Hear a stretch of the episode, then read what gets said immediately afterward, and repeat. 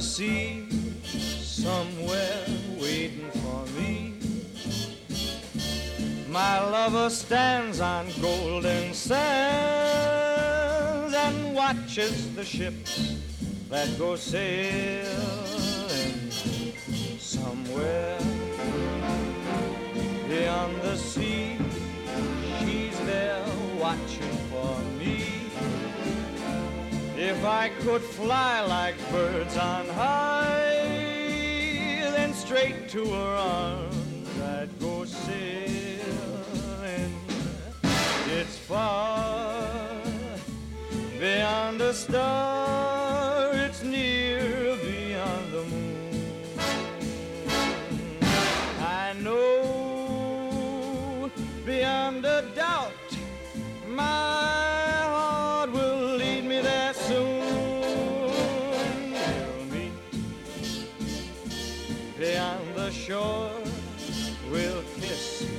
just as before. Happy we'll be beyond the sea, and never again I'll go sailing.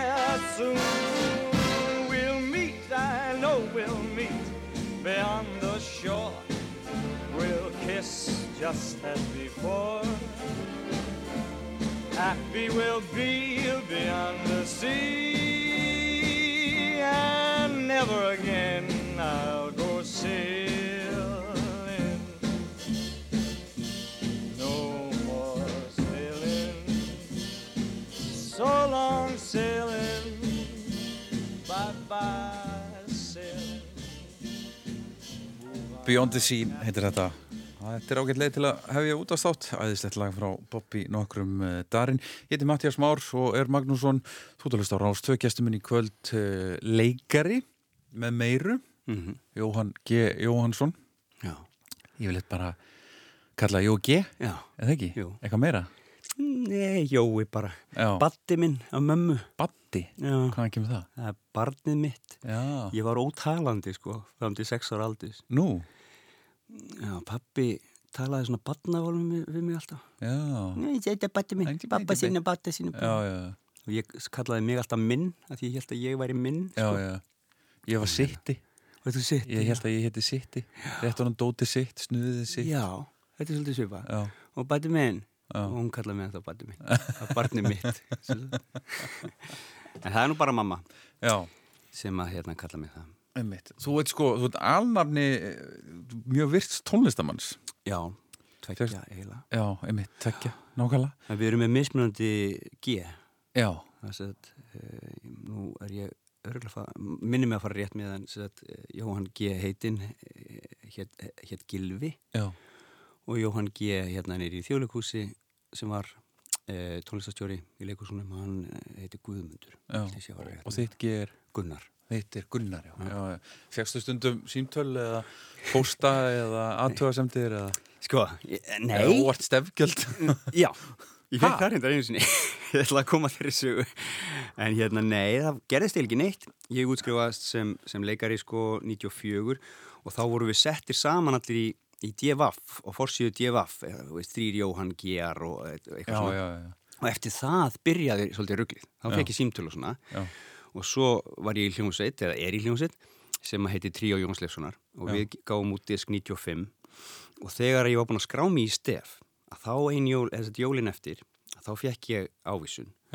Og opnaði og það voru, ég man ekki hvað það var Já, já. 375.000 og ég bara, ha? Og ringdi Berg bara, Bergur, ertu ekki að bassaleikari Já. minn minn, Bergur Geisson ertu ekki að grínast með þessi stefgjöld? hann bara, uh, Já, já, bara frábært, veist. Já. Já, og hvað, ég minna, veist, er, er þetta, við verðum að gefa út fleiri plötur, sko, 275.000 fyrir bara hálft ár, wow, eitthvað.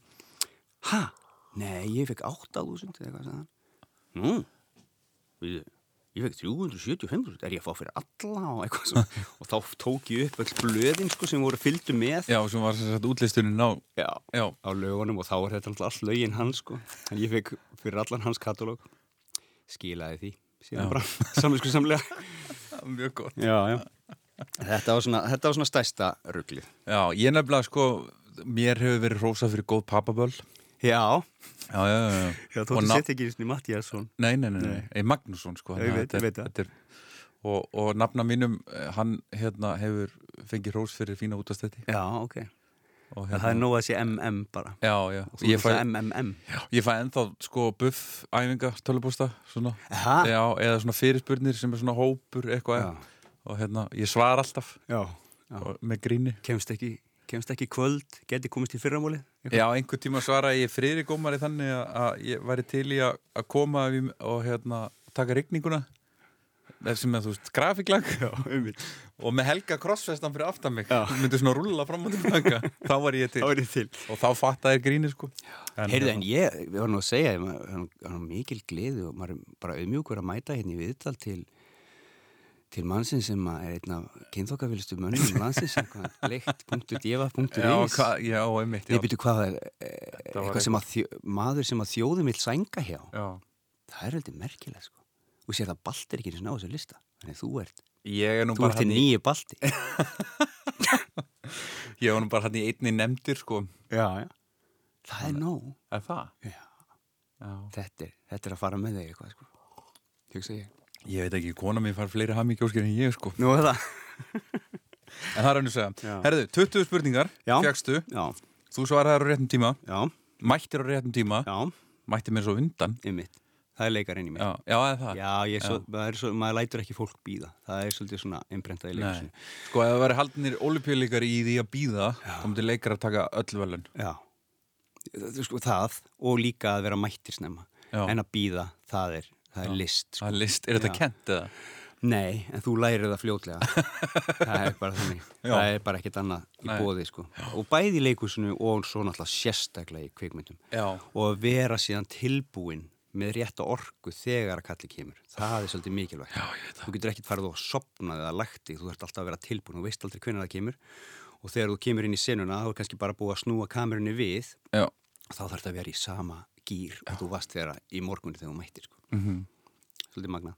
algjörlega hvernig, hvernig laðist þetta verkefni í þig? Bara mjög vel, þetta var miklu, miklu erfiðar en maður heldur. Þú sagði náttúrulega bara, þetta er ekkert mál, hendi nokkur lögum á blað og hérna, kemur með þetta. Já. En svo verður maður alltaf svo rosalega pikki, sko. Mm -hmm. Veist, maður vill einhvern veginn representa sig rétt og, og, og þetta, þetta sé svolítið svona trúverðugt sko þannig við skulum sjá hvernig, hvernig þetta fer í fólk já, þú vildi byrja á þessu Bobby Darin lagi er já, já, þetta, ég tengdi við þetta sko ég, uh, þetta var spilað í síningu sem ég var í, í hérna, borgarleikusinu sétt feitimenn í pilsum, mjög skemmtileg síningu að maður gerti Þorlesinni og Hönnu Maríu Karlsdóttur og Haldur Geirastóttur mm og þetta lag er svo hlýtt og það tengis, ég tengi svo vel við það vegna þess að ég er með mikla útþrá, ég er mikla ævintýra þrá sko, Maður er einhvern veginn, ég er alltaf að kíkja yfir hafið, ég lærið í bandaríkjónum uh, hérna leiklistina og fór svo 99 og lærið MBA gráðu í, í, í hérna, Englandi, í Exeter Þannig ég er alltaf einhvern veginn og núna er ég komin á svona aftur á þann level, nú er strákvættum mínútið nóg stóri, nú er ég byrjað að sækja aftur vinnu til útlanda -hmm. og ég er einhvern veginn með mikla svona útþrá já, hvað er hérna hinum yfir hafið tengi við það. Fyrir utan það þá er þetta, þá er þetta sko svona kynsluðarlag fóreldra minna líka já. og þau hlustuðu mikið á svona swing og, og svona, Mhm. svona lög þannig ég, þetta, ég tengi vel við þetta lag. Fæst alltaf, fæ alltaf hlýtt í hjarta þegar ég heyra það. Við komum betur að, fóruðræðina á eftir en, Mhm. en nú fyrir við að skuna, jói, fyrsta Já. lagið. Fyrsta lagi sem ég syng sko aftur og aftur og aftur að það er er ég með Helga vini mínum sem að bjó beint á móti og við performuðum Hall og Latta plötuna nánast alveg. Já, já, já. alla sem var þá nýkomin út þessi hann að umhverfisjörðina. Já, já, nei, er ekki rói á henni? nei já, þú nú þarf þú að leita upp ég man ekki hvað það er. En allavega það, Roy Rogers. Og við, Það er svo fyndið lag. það er svo skemmtilegt lag. Og hérna þetta náttúrulega sko ég leik alltaf Roy Rogers, hann þurft alltaf að leika laddatýpu sem að síðan á eftir á að higgja er mjög skemmtilegri. En það er annar mál, alltaf svolítið skemmtilegur að leika vondakallin sko. En þetta sungu við, veist, mörg hundruð sinnum á dagstundum, bara Já. aftur og aftur og hoppuðum í sófanum í stofunni og kunnum þetta allt utan að sko og þetta er svona lægi sem að eitt af þeim alltaf, svo var, vorum við í öðru en, en þetta er eitt af þeim lögu sem ég spilaði bara endalist aftur og aftur og aftur og, og Hall og Latti voru alltaf bara guðir á þessum tíma. Svo komst ég að því löngu setna að þetta er alltaf bara þýðing af, af hérna Spike uh, Jones lægi sem var alltaf bara nánast alveg en það, það var ekki ekki fyrir, vera eina, alls ekki vera fyrir því sko. Rói Rótsins yes, sætur og klár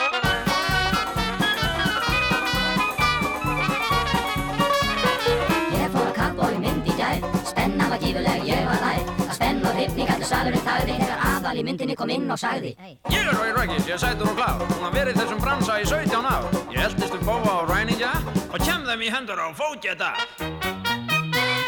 Ég er baldi, ég er með bóaflokk Í bristin í banka og svo snakk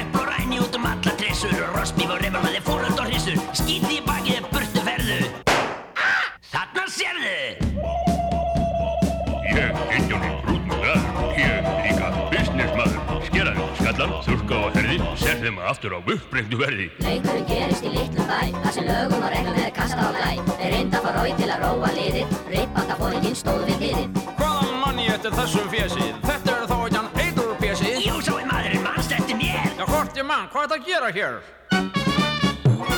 Ég er að plana fyrir glænit plott Postvagnir ræn og þénaflott Hvað er ég að reyna að stoppa það? Mér þetta er gaman að sjá það Í bóndi, bóndi, bónsteik Við erum 30, þú Þú verður drefin ungi sveinn. Svona verður það haft. Þú getur ekki nema reyfið kjaft. Nú skal þú á því þitt og bænum flýja. Ella verða gata þau sem mjölku síja Þú veist að ég er fljótast með framleipuna En ég er miklu flinkari með harmonikuna Nú kom hér svo ég fekk með smók. Salta popcorn og kalda kók. Svo þegar ég kom aftur inn Var Rói kominn heim á búgarðinn Hér er ég komin til að skipta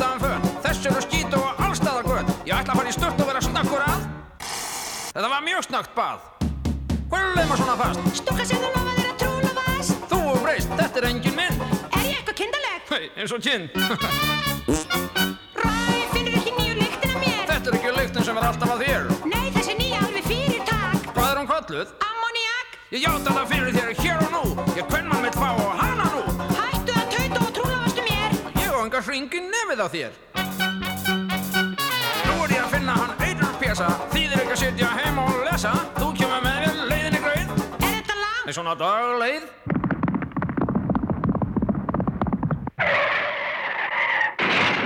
Þá erum við loks á áfangastað. Pjess og þeir vita ekkert um það. Hér er planið, það er ekki bæsið Ég læðist inn að hún kringir pleysið Hér er byssan. Ég þarf ekki byssu, ég er búinn að segja þér Ég gerir aldrei skissu. Ég vona þér bind ekki á þinn út. Þú skalt bara telja þegar ég hendi þeim út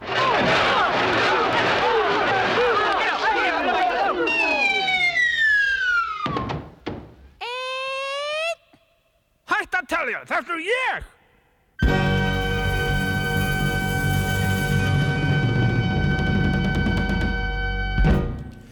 Halló Latti og Rói Rótsins Ég væri til að gefa svo mikið fyrir að hafa geta verið í hljóðrita þegar þeir bræður voru að taka upp þessar blöður. Eða bara að það hef einhver verið með kameru og, og mikrofón og, og einhvern veginn að filma það sem að gerðist ekki þegar að var verið að ít og rekk held að það verið mikið leið Já, alveg pottjess, en svo er líka svolítið skemmtilegt sko, ég þekki Halla reyndar ekki neitt. Nei. ég held ég hef bara aldrei hitt Halla sko. Já, en hvað Latti mikill umskiptingur. Já, eins og hann er sko hlýr og svona feiminn og, og oft bara svona svolítið lítill í sér. Já, já, finnst ég það, finnst ég alltaf að spyrja og skilur og þegar hann fyrir karakter já. hvaða verður bara af öðrum heimi Mhm. og hvað er ótrúlegu talin sem hann dregur eitthvað frá því að maður þekkir hann sem bara svona hú, húsgagn eitthvað staðar eða veist svona lítinn hérna, feiminn kall sko Mhm. að trúa því bara að þetta ótrúlega demanta bunt sem hann er sko, fígúrur. lög og allar þessar fígúrur og leikari og næri dýftina líka í sorgina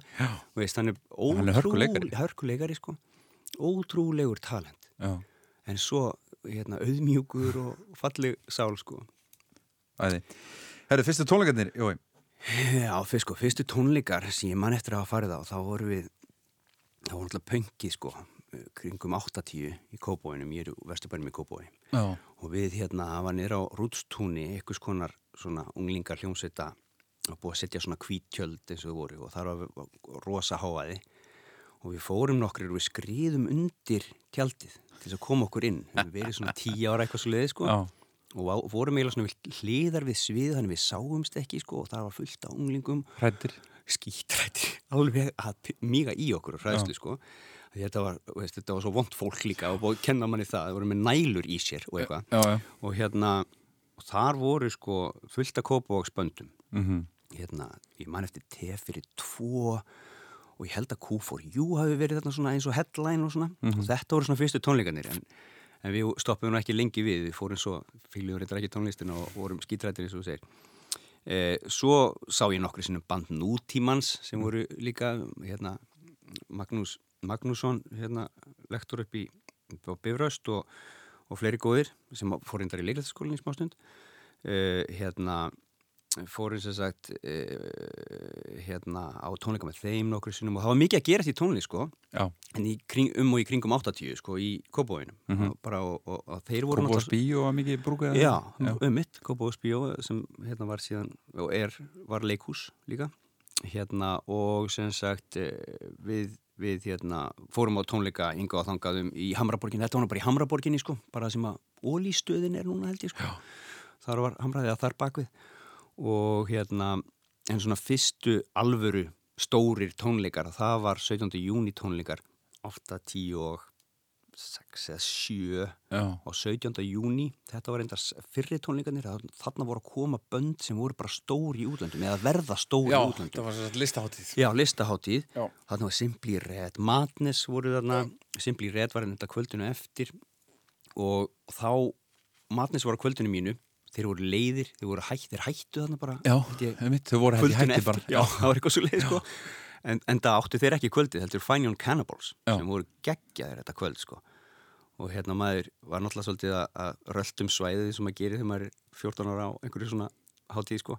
En þarna snar, ég er búin að týna öllum vinunum, snar neldist ég niður og horfði á þeirra sett sem var ábyggilega hálftími, 40 mínútur, sko. Já. Bara á staðnum, bara skömmu síðar og, og hérna, og þeir alveg, já, það voru svona, svona einhver fallegur, geislað af þeim, sko. Mhm. En það er svo eigna, eignaðist hann hérna kærust hérna á Íslandi. Já, var hérna svolítið. Nú ekki hvað hann heitir. nei, maður ekki heldur. Ég sá hann síðan á laugaveginu bara, veist, einhverju mánuðin setna, sko. Það var alveg magna. Það var svona áður en að fólk voru að streyma hérna, svona frekt fólk voru að streyma hérna. Johnny come home. Yes.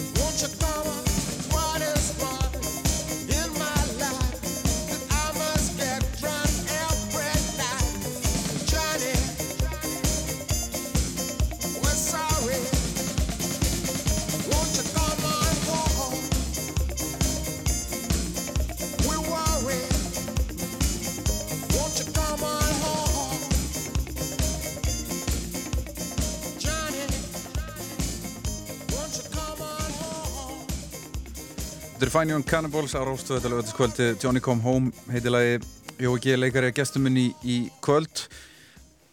Úr Vesturbænum í Kópói er, það- er það heim? Já það, er heim. Sko, mikið hlýja ég hef aldrei búið, hafði aldrei búið annar stað fyrir ég nánast bara flutti út á seldinni sko. Já, já, já, og ég, þetta er sko, þetta er Royal já. fyrir mér, svo var Östubærin það voru svona villingar og, og vesen svolítið já. Það er ríkur hérna á milli, eða ekki? það var það, Það var. mikil sko já, Já. sérstaklega svona nokkrum kynsluðum eða þetta nokkrum árum eldri en ég þá þeir mættust og kríktu steinum í hvern annan og hittust í Hamraborginu og lútuð og brutu glugga og svona sko þetta var, heyrði maður allt en við hérna, við blönduðum nú hraðar við þessa, þessa já, austubæingarnir hérna gegnum íþróttir og svona þannig að það var nú alltaf, alltaf voða gott sko á milli þess að ég er 71 árgangur sko já, og þar, þar eftir líka en maður eh, hérna, Kópavógur er vestubæri Kópavogi svo er hitt bara einhver svona útkverfi sko. já, já, já. og ég kalli ekki einu sinni þessi nýju hverfi Kópavóg sko.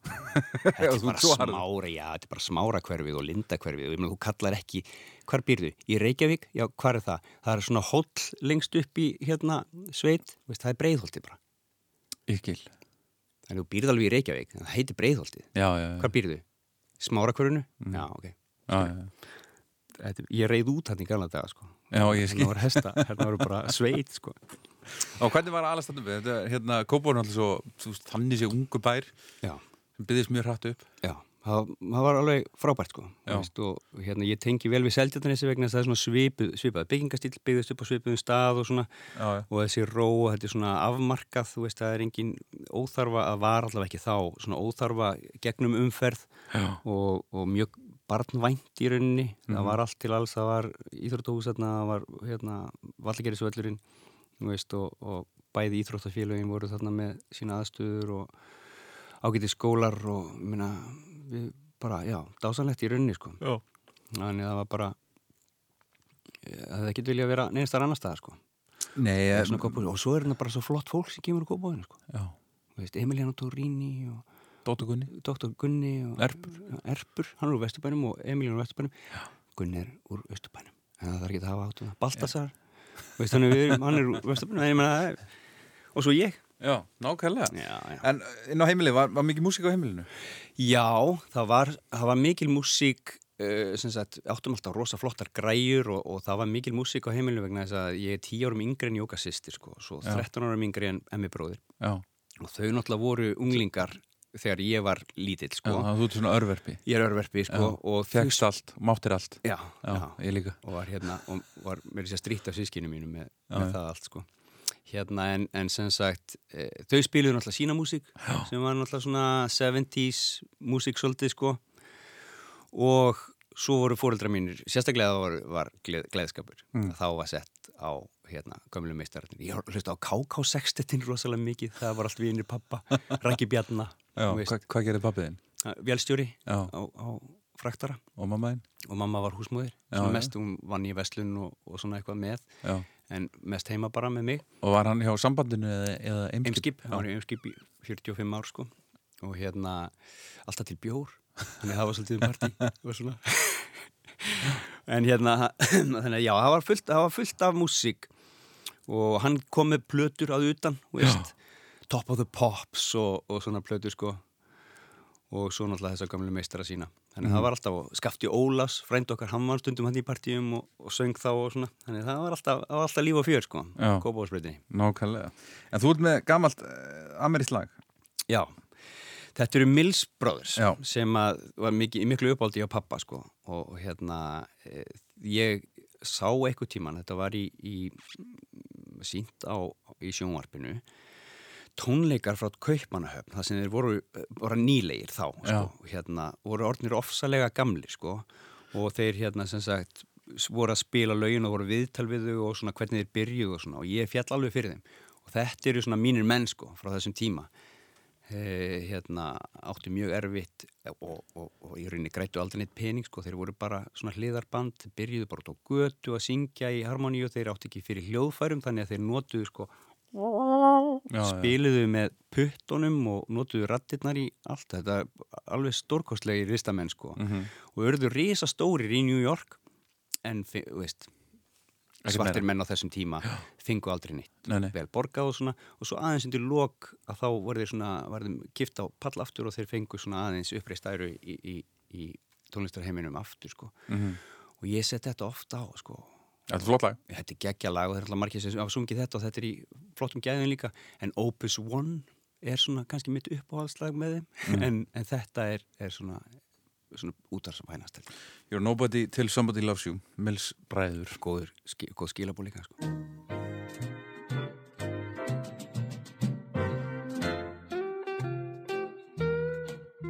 You're nobody till somebody loves you.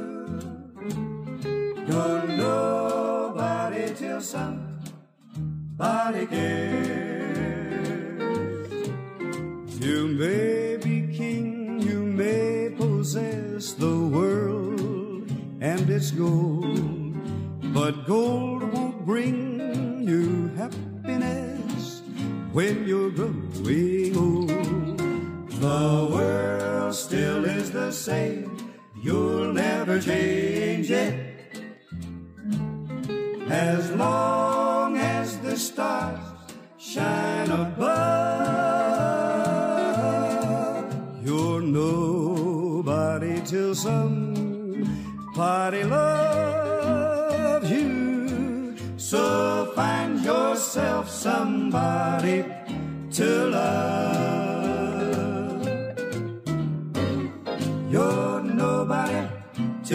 Somebody loves you. You're nobody till someone cares.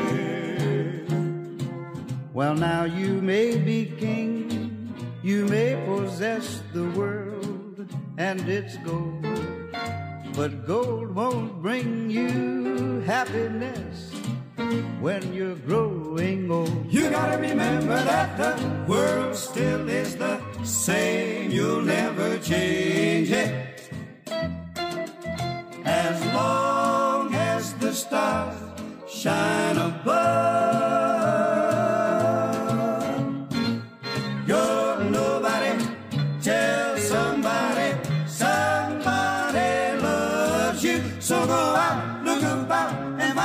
yourself somebody to love. Þetta eru Mills bræður og, og You're nobody till somebody loves you. Er þið Jói? Sagbeina Sælan. Já, uh, sko Úr æskunni. Já Ég hef eiginlega aldrei skammast mín fyrir tónlistarsmekk minn Nei. Ég, sko, að því, þú, í spurningunni fólst, sko, lægið sem þú sagðir engum og það hefði gaman af í æsku uh, Ég hafði, eins og ég segi, veist, allt frá KK6 þetta var ég að hlusta alveg fram á unglingsár sko, Mhm. veist, og, og lengur, ég meina og svo fer ég á Elli núna, Já. nú er þetta orðið náttúrulega, veist, og það, þar þekki ég hvern einast, hvern einasta orðið, hvern einasta texta, sko alltaf mikill aðdáandi hérna rakkabjarna og Mhm. svona, hann var algjör guð fyrir mér og, og, og Ennþá að. Já, ennþá að ég fór á sýningun aftur núna um daginn sko. Og það er alveg magna þegar hann kemur fram sko. það lifnar yfir salnum og hjarta hjá, í manni stækkar og maður fær tár í augun og bara, veist, og, og ég hugsaði ég vonaði þessir ungu grekkar á sviðinu bara átti þessi á hvað, veist, hvað þið voru að upplifa hérna Já. skilur þetta er ekkert norm sko. og hérna og svo er ég rosalega mikill poppari Mm. ég er alveg ofsalega mjúkur á því Mhm. Vamdjúran djúran Mm. ég datt vammegin Já. ég var bara með stelpunum vammegin Já. og hérna, þannig að ég, veist, þetta fílaði djúran djúran og allt það sko en alltaf verið rosalega mikið pop þú veist, smitt ekki séns í helviti sko. ég nefndi því ekki Nei, nei. og rem, veist, byrja maður aðeins að Og mikið melankólía. Já, bara, veist, uh, bara mér fannst þið verið að segja bara farð og hengdu þig, þú þannig í hotninu, þú veist, ég var bara, ég nenni þess ekki, það var bara vera gaman, skilur og hérna þau hef alltaf, eh, svo ka- fer maður að læra að meta þetta betur og betur, sko, þú veist, ég, ég veist Bob Dylan, ég veist bara, hvað, hvað, hvað, er fólk að tala um, skilur, skildi þetta ekki. Og hérna meiri sem Megas ég, um, veist, hann var aðeins að leika sér með Bubba og þau sagði, já, já, ok, hérna falla fólk jú, það er skemmtilegt og eitthvað. En ég kveikti ekkert á honum fyrir lengur setna sko. Já. hérna, þannig að ég svona í rauninni skammaðist mér aldrei fyrir þetta. En þetta er, þetta er lag sem ég vel hérna sem að sem er náttúrulega eh, sem ég söng aftur og aftur og fannst alveg geðveikt sko Mhm. en, en, en það kannski lýsir mínum tónlistarsmekk sem, og sem barni líka sko að, að þetta er sko Barry Manilow sem var náttúrulega ofsalegur sigur, bara eiginlega svona Las Vegas Já. löðrandi sigur sko. Já, já, þetta er bara viðbættis ykkur sko. Já, og ég man þetta var í Skonrock hjá Þorgeri Ástvalds, sko, þetta lag og við tókum það upp á Vaffa OS pappi var að sigla, sko, hann við áttum Vaffa OS mjög snemma. Og hérna, svo, reynda, svo, svo var hann að taka hann inn okkur svona auka og ég var alltaf seldur með sem útseldu vinna að stilla þau. Fekk appilsín og fór með tækinu og stiltið inn fyrir fólk. Önnursaga og lengri. En þetta sagt, sá ég með, hjá Þorgeri Ásvalds og ég spilaði þetta aftur og aftur. Ég, ég, ég horfði á uh, hérna söngvamyndir rosa mikið. Uh, hérna Barbara Streisand fan uh, hérna uh, Singing in the Rain horfði ég á þannig til að slitnaði spólan sko Mhm. og þetta var eitt af því og þetta er I Can't Smile Without You heitir það ekki? Já. Já, Barry Manilow.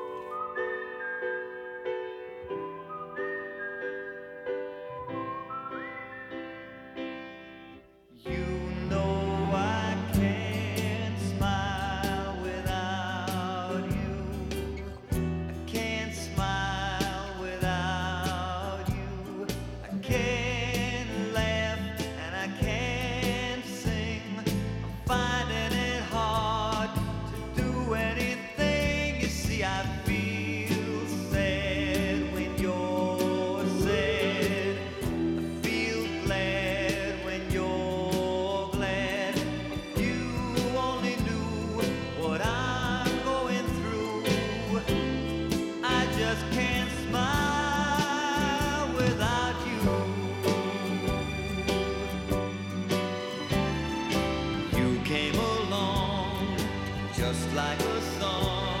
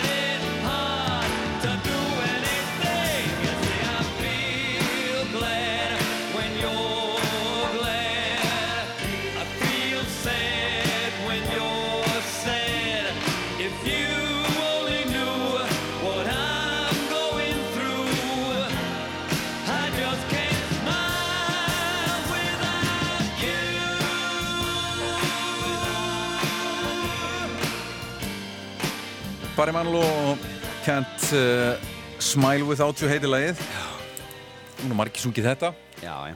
Herra, jó, við erum komin að áratöðalögunum Já. Við byrjum í áttunda áratöðunum Já, 70's 70's er náttúrulega sko, situr rosa stert í mér nefnilega. Já. Ég er, enn, ég er rosalega mikill 70's maður. Er svolítið fyndið að því ég er náttúrulega unglingur og barn á, í 80's sko. Já, en er það ekki bara því að þú átt eldri sískinni sem að það. mikið á, á áttunda áratöðs tónlistina. Einmitt. Og það, það er bara eitthvað með móðumjólkinni sko, Mhm. sem að ég heyrði þessi lög, veist, Abba hef, fær alltaf á, veist, Billy hérna eh, Billy Joel stór Elton John, veist, og svona. Og svo, hérna, þetta lag, ég var reyndar var líka að hlusta svolítið á Roy, hérna, Roy Roger, hérna Roger nei, hérna, hvað heitir hann? Eh, hérna hérna Dolly Parton og Kenny Rogers. Kenny Rogers, þakkaði fyrir og var nú næstíðin komin með The Gambler sem ég fæ Geggjað alltaf lag. geggjað lag sko. En svo hérna kom bróður minn í heimsókn í gær Já, og fór óvart, ég veit ekki hvaðan það kom fór að raula þetta lag sem ég valdi síðan. Og ég sagði, hvað, akkur varst að raula þetta? og hann sagði, þú ekki að syngja þetta? ég sagði, nei. Já, það ég þetta ekki. Og ég bara, ok, þetta er greinlega einhver sæn sko, ég var, ég var að velja vinn minn hérna Leo Sawyer sko. Og þetta er sko, you make me feel like dancing. Já, og þetta er svona upbeat lag sem að ég er alltaf mjög hrifin af ég er svona poppara poppara gæði sko. Og, og þetta kveikir alltaf hrikalega vel í mér en ég hefði getað valið 700 önnur lög sko. And you make me feel like dancing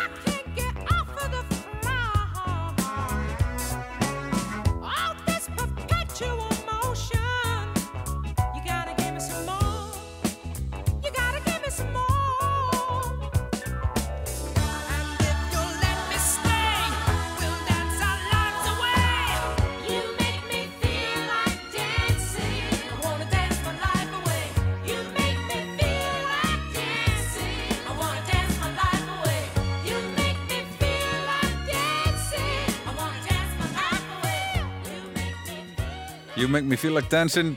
Það var sko falsettan fekk svo mikið plás í sjöunni að þú, henni var bara útýst í áttunni. E, e, Já, því sem næst. Nánast, já.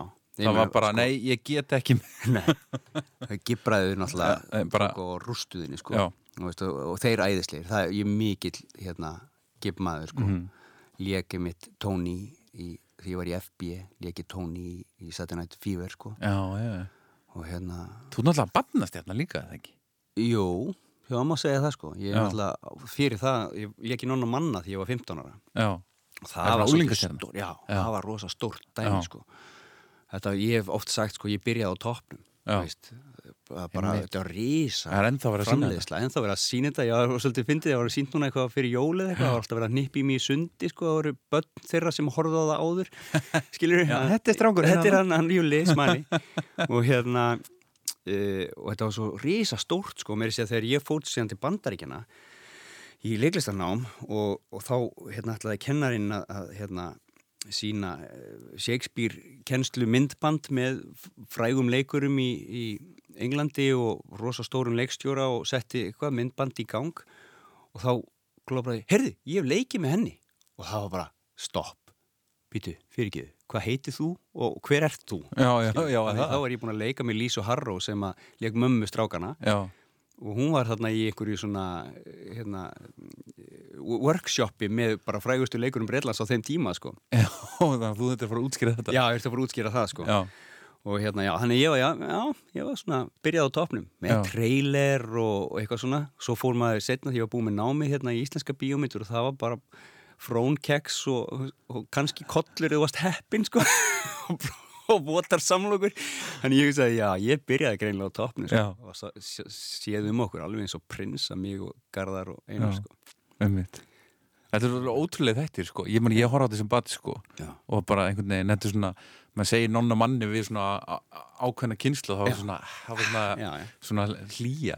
Og, og þeir, þeir sko horfða á þetta, ég hjálpaði eins til við að, að komast út á DFD fyrir nokkrum árum.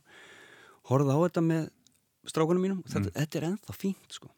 Veist, þetta er ennþá bara solid Mhm. þættir. Horfða á það með annan, annað auga svolítið í punkt svona og hugsaði bara, "Ó, hvað kemur maður? Svo bara, já, þetta voru náttúrulega bara risastór nöfn þá, svona evrópsk nöfn sem voru að leika þarna og, og, og geðveikt krú og ég meina hérna, First Assistant Director Chris Newman er núna Game of Thrones skilur einna framleiðandi Game of Thrones eða skilur hvað við, þetta, var engir aukveisar sem voru þarna á þessum stað og allir krakkarnir sem voru að byrja í kvikmyndagerðarna þetta er allt stór nöfn í dag í hérna kvikmyndabransanum hérna heima, það eru, þetta eru svolítið eigendur fyrirtækjana sem er verið að reyka hérna í dag og svona sko. en hvernig, hvernig endaði þú? Sko, þeir hérna leituðu út um alla Evrópu. Þeir byrjuðu í Noregi, svo í Þýskalandi og Englandi og eitthvað svona og svo komuðu hérna heim og þetta voru bara að verða að leita þessum strákum, sko. Já. Og við hittumst allir, alltaf fyndið, við hittumst, ég hittir þetta ekki einar, en þeir, þeir hittust og við hittumst og svona alltaf fullt af fleiri, þetta var svona fyrsta stóra pröfu, eða svona sem ég man eftir, Og sko. þið allum þetta alls það Já, og allir, allir strákar á þessum aldrei mættu sko. Og svo bara fórum við, fórum maður í pröfu hitti Ágúst og lásum eitthvað fyrir hann. Og ég hitti mitt garðar í fyrstu pröfunni minni. Og svo bara var ég mm, svona kallaði tilbaka veist, og, og lesið aftur og, og hérna og svo var bara ringt í mig og ég fekk ekki sér satt nonna það var, það var svona en, en ég fekk Júla smala Já. sem var sjúklega töff sko hann var mest töff. Já, hann var algjör nagli sko.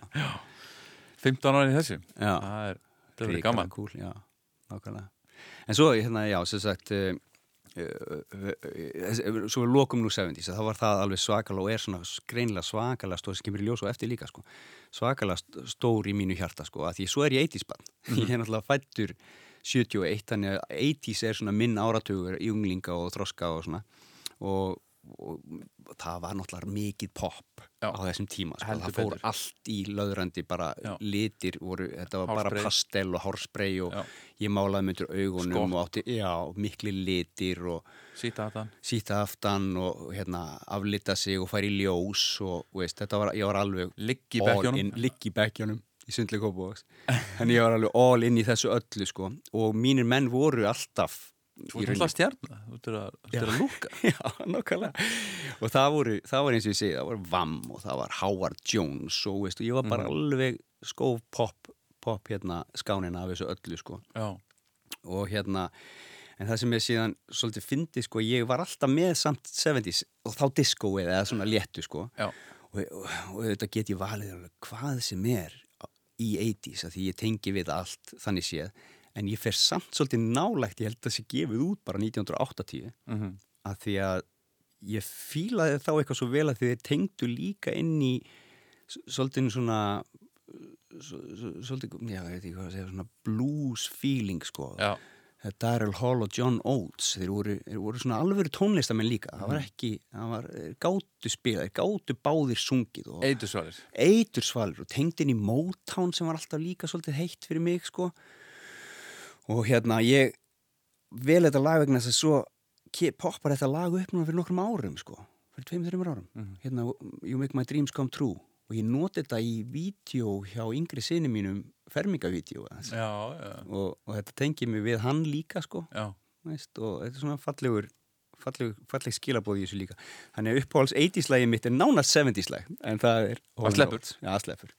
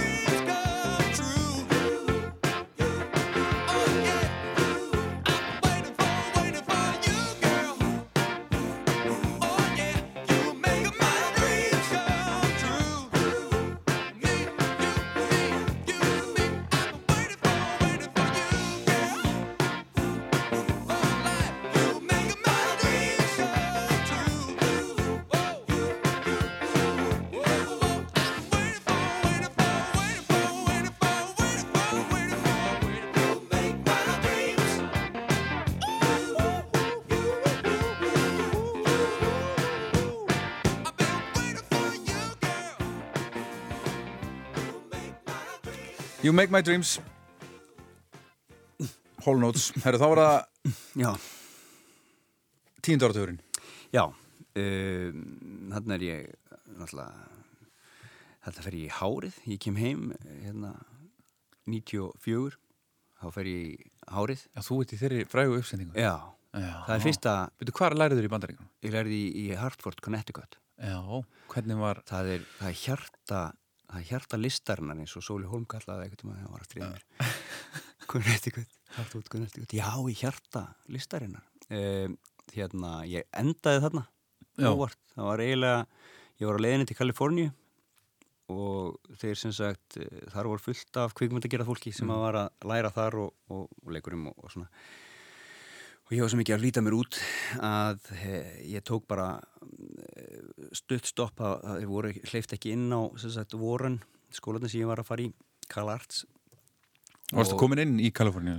Nei, það- ég þurfti, svo hugsaði ég, ég fer út, fekk hérna góðan styrk hérna í þennan skóla, fer út, gætt valið úr nokkrum og er þá nógu nálagt New York, ég fer í, maður þurfti að fara í, í auditionið sko og þarna kostaði Þú ætlaði aldrei heima aftur Mm, já, það var endur ekkert alveg sko. en hérna, En ég ætlaði að fara allavega til Kaliforníu og fara í, í rosa flottan, hann heitir California Institute of the Arts sem, er svona nánast eins og svo fame skóli, skilur það sem að ég myndaði mér allir var að dansa upp á borðum og allir hérna sungu í öllum hlíum og eitthvað og hérna og ég hugsaði, ok, ég fer til Connecticut, þeir eru að bjóða mér rosa góðan styrk, er það þarna fyrstu önnina, fram á vor já, fer ni- niður til New York í allar auditionurnar Já.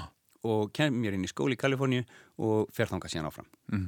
Þannig ég var rosalega svona tilbaka og var ekkert að kynnast mikið af fólki þarna fyrstu önnina mína í, í Hartford og sem sagt eh, fera í pröfunar og kemst inn í Karl Arts og, og það var bara nóg fyrir mig og, og svo man ekki hvað klikkaði einhver greiðsla því minna veist, að, að fljúa til bandaríkjana á þessum tíma það var ekkert smá dýrt sko Mhm. þetta, var bara, þetta var bara eins og heimsreisa sko Mhm. að, og maður átti ekki endalösan pening og hérna þetta meikaði allt sens fyrir mig svo er, þurfti ég eitthvað að díla við lánasjóðin og ringi inn og segi hérna, heyrðu, já, en það er nú allt í lagi vegna þess að svo er ég að færa mig um skóla og hún segir, já, vinsanlega, já, já, já það er nú ekkert mál, en þú veist að þú verður að fá allar einingarnar metnar yfir og annars eh, er það eins og sért að svíkjast undan og þú ert að borga láni tilbaka með e, vöxtum og þú færð ekki e, annað lán og ég, hæ? Býtu, þannig að og veistu, þetta hefði ég átt að kanna þetta áður. Já, já. skilur, en ég var tvítugur og, og veistu, það var ekkert internet. Og ég læstist inn í þessum skóla. Út af lín? út af lín. Því ég var, hefði ekki fengið neinar einingar metnar yfir í Kalarts af því að Já. það er bara svona feimskóli, þú kemur inn bara, á, á, bara með bleiuna þína sko. Og svo þannig að ég bara festist þarna í þessum skóla sem á endanum held ég hafi verið happa útspil sko vegna þess að ég fór að leika þetta á svona lítil deild sko með rosalega stóra musikaldeild svona, sem hún var svona tatst þessi dramadeild sko. Og ég var að leika þarna aðalutverk eftir aðalutverk sem ég hefði kannski aldrei fengið í stórum Já, já. sk- háskólum sko.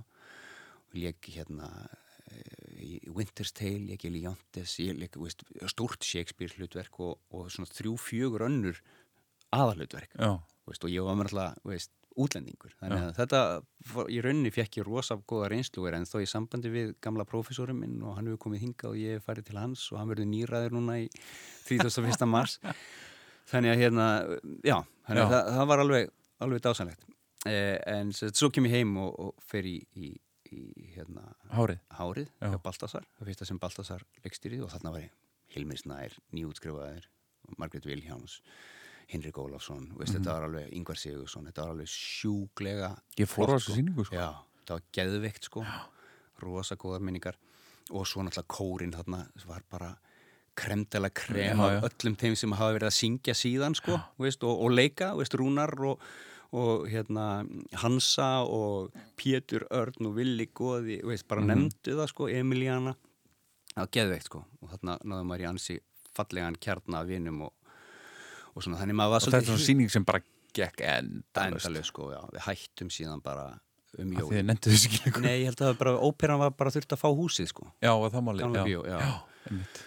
Þannig það var ekkert hægt að halda, halda áfram hérna, þið hefðu getað að rúla Algjörlega sko, endalust áfram sko Og, og mér sé að Balti og Yngvar og Hallur fóru með þetta til Barcelona Já, Sett upp það. sýninguna þar og, og víðar held ég mér að segja En hérna Svo sem sagt Þannig að ég var, var varð svolítið hippi aftur Já. á þessum árum sko uh, og hlustaði ekkert mikið, þú veist, maður fór í tunglið og svona og ég var ekki mikill sko svona danstónlistarmaður eða, þú veist, eh, hérna, það, það þurfti alltaf að hafa, ég var svo mikill poppari, það þurfti Mhm. alltaf að hafa einhver texta með einhverju meiningu, eða skilur og einhvers konar Eh, Svona melódíu. Já, melodíu og, og, og, og svona eh, stemmingu, eða skilur, það já. þurfti að vera rís og þurfti að vera eh, eitthvað svona, ekki bara mm, mm, mm, mm, mm, mm, ég hef aldrei meika það og hérna, en svo um mitt 94, heima hjá Matta Matt,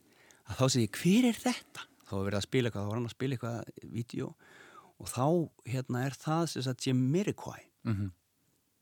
JK, Jamiroquai og hann segir mig hver þetta er og ég fer og kaupi diskin Já. og þetta var bara heitast að heitast að því að hann líka dansar. Það er er smá þema hérna, hérna smá dans og ég er sjálfur mikill dansari og hef alltaf haft mjög gaman að því að dansa og eins og ég sagði Tony Saturday Night Fever og svona. Og hann er náttúrulega sjúklegur dansari. Mm -hmm. Jimmy Rickway með ríkalega flottar heimingur ég heyrði eitthvað tíma hann hefði verið heimsmyndstari í, í, í breakdansi þegar hann var tvítugur eða eitthvað já. og svo náttúrulega geggjaði tónlistamæður Mhm. en síðan náttúrulega geggjaði fíkil Já, líka já. að hann, hann hefur ekkert reysið hátt á undaförnu en þetta er Virtual Insanity er Jimmy mitt- Rickway. mitt 90s lag 90s lag Oh, what we're living in. Let me tell ya.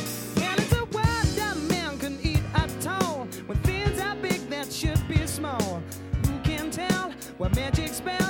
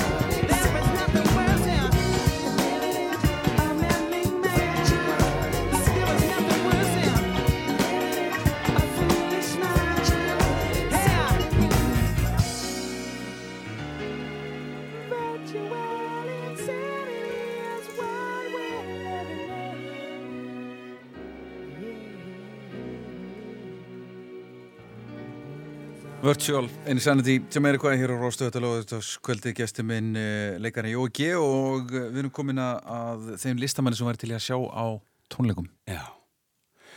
Þeir eru náttúrulega nokkri sko. Já. Ég sá Guns N' Roses tvisasunum mm -hmm. in the 90s og það var geggjað. Já, sjúklegt sko. E, Þannig að ég get hakað í það bóks og svo hefði ég alltaf viljað sjá Michael Jackson Já. sem að kemur nú mikið við sögunum inn á eftir en ég hef ekki talað um hann en ég er mikil Jackson maður það hefði alltaf verið draumur. Og maður er að missa af þessum meisturum. Prince hefði ég viljað sjá. Springsteen. Já, George Michael já, eigum, En Springsteen er eigum Springsteen Bowie. sko. Bowie farinn.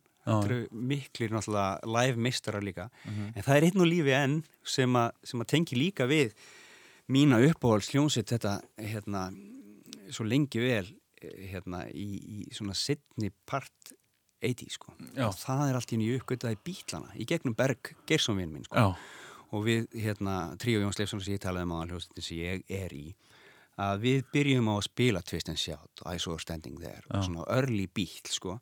Og það er náttúrulega bara opnaðist nýr heimur af því að bílarnir voru ríkalega hallarislegir hérna á þessum tíma sko, Já. búinir að vera þá í tíu ár eða eitthvað skiljur þannig að það opnaðist algjörlega ný vít fyrir mig inn í þetta og, og eftir, ég þekkti í rauninni Paul McCartney bara sem sólolistamann í Wings og, og, veist, og, og so, í Wings og svo sólolistamann sko, og átti þarna eitthvað best of dæmi og auðvitað hefði ég viljað sjá bílana eins og margir hærir live á tónleikum en, en Paul McCartney hann er enn að Já. og er vist sjúkling hann er geggjaði, vist Ertu ertu búin að sjá? Nei, ég er ekki með svo hann Fó, og, og margir að fara að skoða hann og ég hefði vilja ég myndi vilja sjá hann Já. E, á tónleikum og ég valdi e, eitt svona mínum uppáhaldslögum sem hann á einn reyndar. Það er hérna Band on the Run. Paul McCartney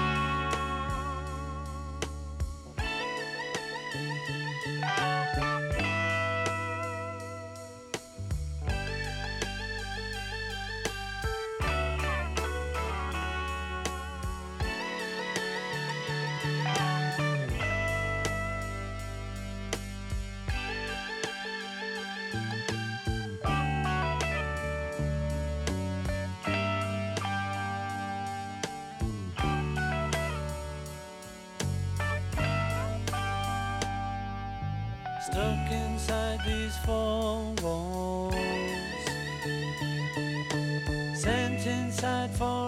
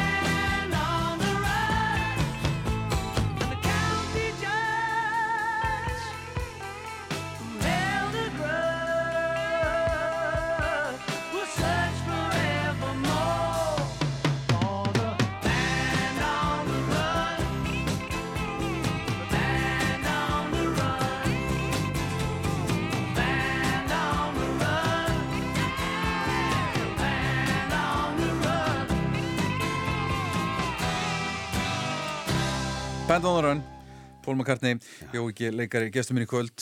Uh, er, er hérna Paul þinn, þinn bítill? Sko, ég, ég hérna, um, ég rótiraði svolítið, sko. Ég, Pó, Pól var það augljóslega til að byrja með vegna þess að ég þekkti hann bara fyrst, Já, sko. maður melódíunnar. Já, maður melodíunar, guð minn almáttur. En ég þekkti líka Ringo Starr sem leikara. Já. Veist, hann, inn í 80s var hann að leika fullt, sko. Já. Hann leiki hérna Caveman með Barbara Bach sem hann gifti síðan. Og ég þekkti hann sem leika, ég vissi að hann var trommar í bílana. Peace var- and love, peace and love, peace and love, mate. Og hérna, það, þú veist, var bara fínt, sko. En Paul McCartney var greinlega alveg minn maður, sko. Já. Þanga til að, að við fórum að krifja þetta svolítið og maður sá hvaða hvað þeir voru mikið teimi Mhm. og hvað John kom alltaf með mótvægið við sigrinum, þá kom hann alltaf með aðeins Smá seltu. seltu á móti sem að Já. varð búmið sko. Þó að Póli geggjur lög þá verða þau aldrei það mist, þeim, þau mistraverk sem að þeir áttu saman sko. Mhm. þannig að varð mikill John maður síðan Já. mikill John maður og, og svo kunni ég svo vel að meta George Harrison sem var stóð einn einhvern veginn á kantinum og gerði þessi geggiðu lög sín Já. þannig ég, nei, ég rótiraði, ég á ekkert svona en ég er mikill Paul McCartney maður sérstaklega því að hann er líka sem Unity bara einn Já. og flottur Já. sem slíkur sko. Herðu, plata sem fara að leið á.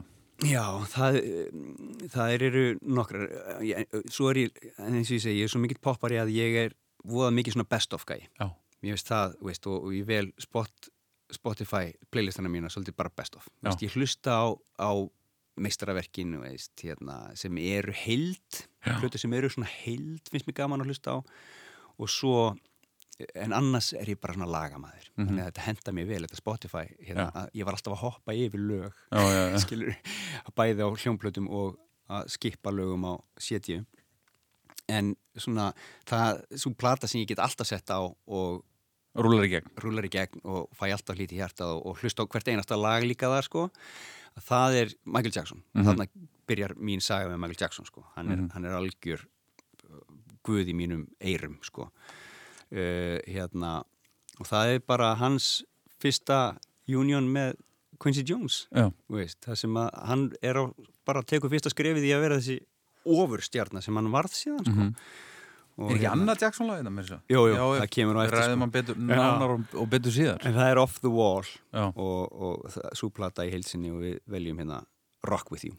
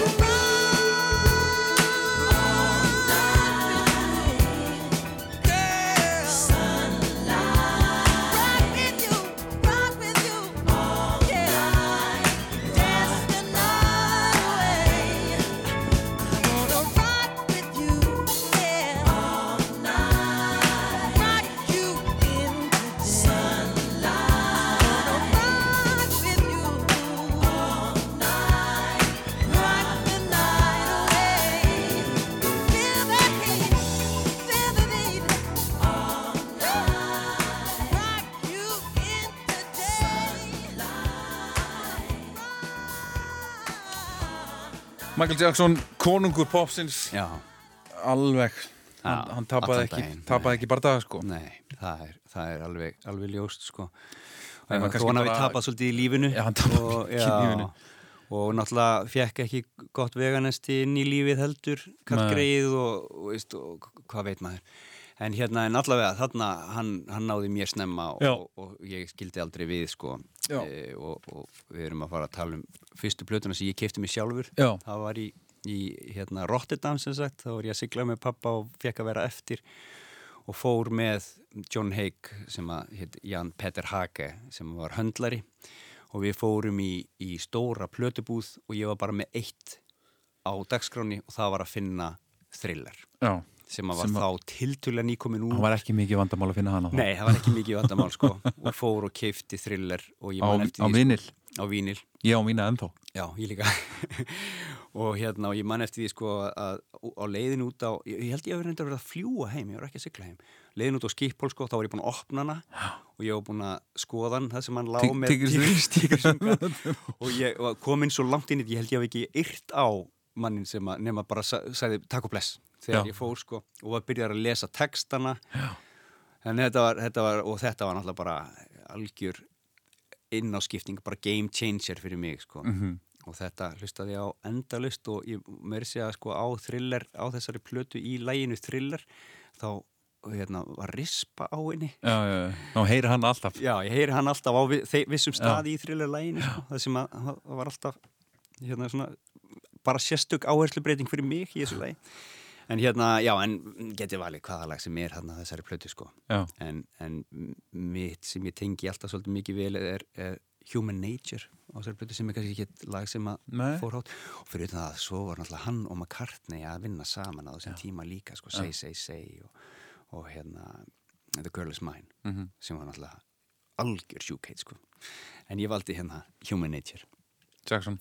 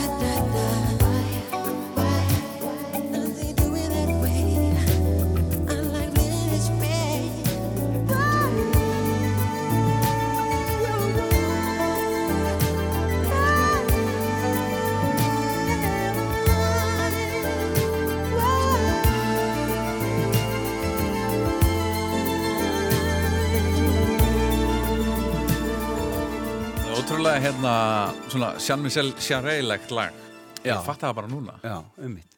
Mjög hérna Jean-Michel hérna Það er rétt, ég hlustaði lítið á hann. og kraftverk Já, bara já Það er kraftverk, já, það er rosa mikið synda en ég Já. Quincy Jones er þarna náttúrulega líka með Já, já, algjörlega sko.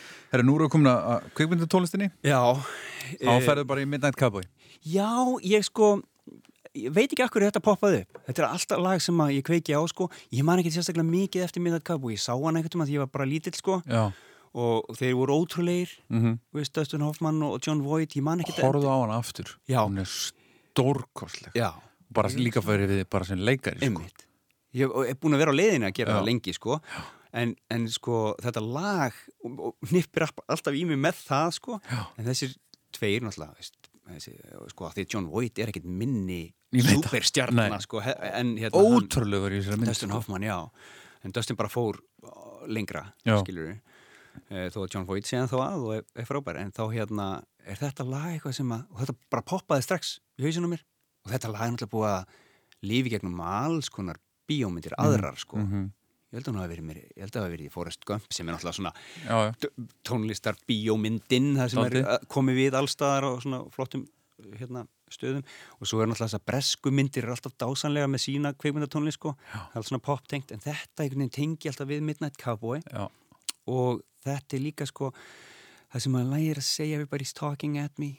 I can't hear a word they're saying. Þetta er svona svolítið innáviði lag veist, Mm, og myndin er það líka, sko. myndin er það náttúrulega líka já og maður er stundum einmanna í hóp og skilur og maður er líka, veist, þegar maður er bara einhvern veginn í sjálfum sér og maður er líka uh, góður einn skilur já, þannig að það er svona mér finnst þann lagan ná essence í mér. Þetta kemur, tala alltaf til mín, kemur alltaf við mig. Stórkostlegt lag Já. Harry Nilsson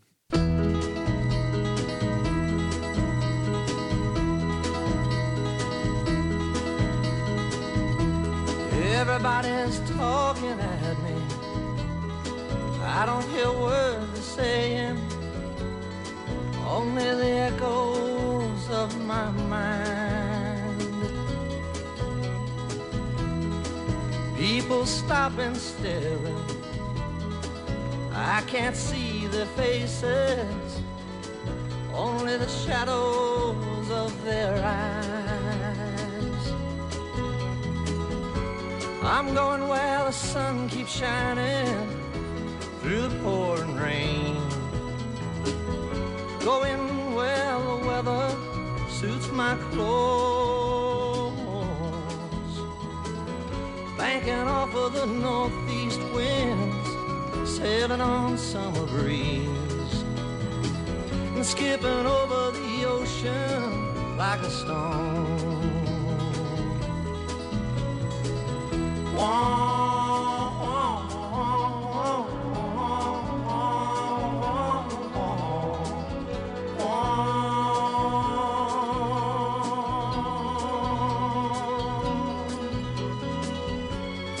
going where the sun keeps shining through the pouring rain. Going where the weather suits my clothes. Banking off of the northeast winds, sailing on summer breeze, and skipping over the ocean like a stone. Everybody's talking at me. Can't hear a word they're saying. Only the echoes of my mind. I won't let you leave my love behind. No, I won't let you leave.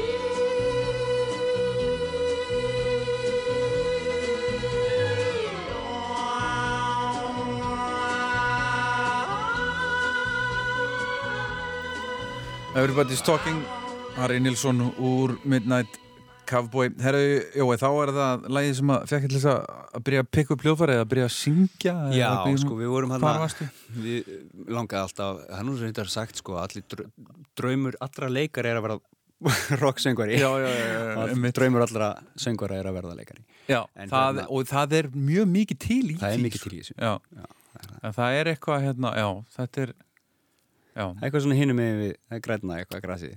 Já, þú veist, það er flest allar stórar popstjórnur hafa leikið eitthvað já, og, og mjög margir leikarar eru með sitt band on the side eða reyna, Já. veist, allt frá Bruce Willis skilur, í Eddie Murphy Já. á, á, í Já. 80s og, og hérna Kiefer Sutherland, túrar um heiminn þegar hann er Já. ekki að leika bara Jeff. Goldblum Jeff sem er Goldblum. þetta bara með mjög góða jazzplötu Já, einmitt, já, ég hef ekki heyrt það En hérna, já, sem sagt, og mér langaði að vera rockstjárna þarna snemma, sko, langaði Já. að syngja og það, það sem að, þó ég hafi verið vammgæi og svona mjúkur á því, að þá voru á þessum tíma, djúran djúran voru bara mest cool sveit í öllum heiminum, sko. Og við sáum, það var gerð hérna, e, þeir fóru Amerikutúrin stóra, gerð heimildamind um það og við sáum þetta og þetta var bara, þetta var lífið sem ég vildi. Já, bara gargandi stelpur spilandi kúllög rútur, flugvélar veist, þetta var bara já, krem krem. Já. vildi ég vera sko þannig að það má eiginlega segja að djúran hafi svona kveikt á því að, að ég vildi verða popstjarna Mhm. skulum við segja. Og við reyndum með tríóið? Já, með tríóið en við vorum 14 Þre- 13 til 15 og við réðum ekkert við þetta syndadæmi sko. Nei, nei, við byrjum þess að þá var, þá var hérna, Hvað þá þú og Bergur? ég og Bergur og Þorgils sem var setna í Stinglabandinu, Tómas og Trommari sem var í Sálinni í svolítinn tíma og sko Þorvarður Góði Valdimarsson. Við byrjuðum, hann spilaði á, á Synda og er bróðir sem sagt Villa Góða Já, já, og svo hérna svo, sagt, hætti Totti Góði, hann var svo mikið í fimmleikum á þessum tíma, hann nánast gæti ekkert spila það var alltaf blóðið í rónu fingurni sko.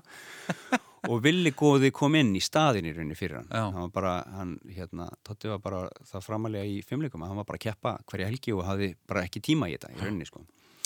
Þannig að svoleiðis byrjaði það en við svona föttum það skömmu síðar að við réðum ekkert við. Ég man við vor- vorum að reyna við Pink Floyd og vorum að reyna við eitthvað af þessum 80s lögum og svona svo bara fórum við í Twist and Shout. Það gekk vel. En það sem að svona kveikt í mér að verða pástjarnar, það var Simon Le Bon og, og. John Taylor og, og Taylor félagarnir allir og, og hérna lægið verði ég eiginlega að segja sé The Reflex.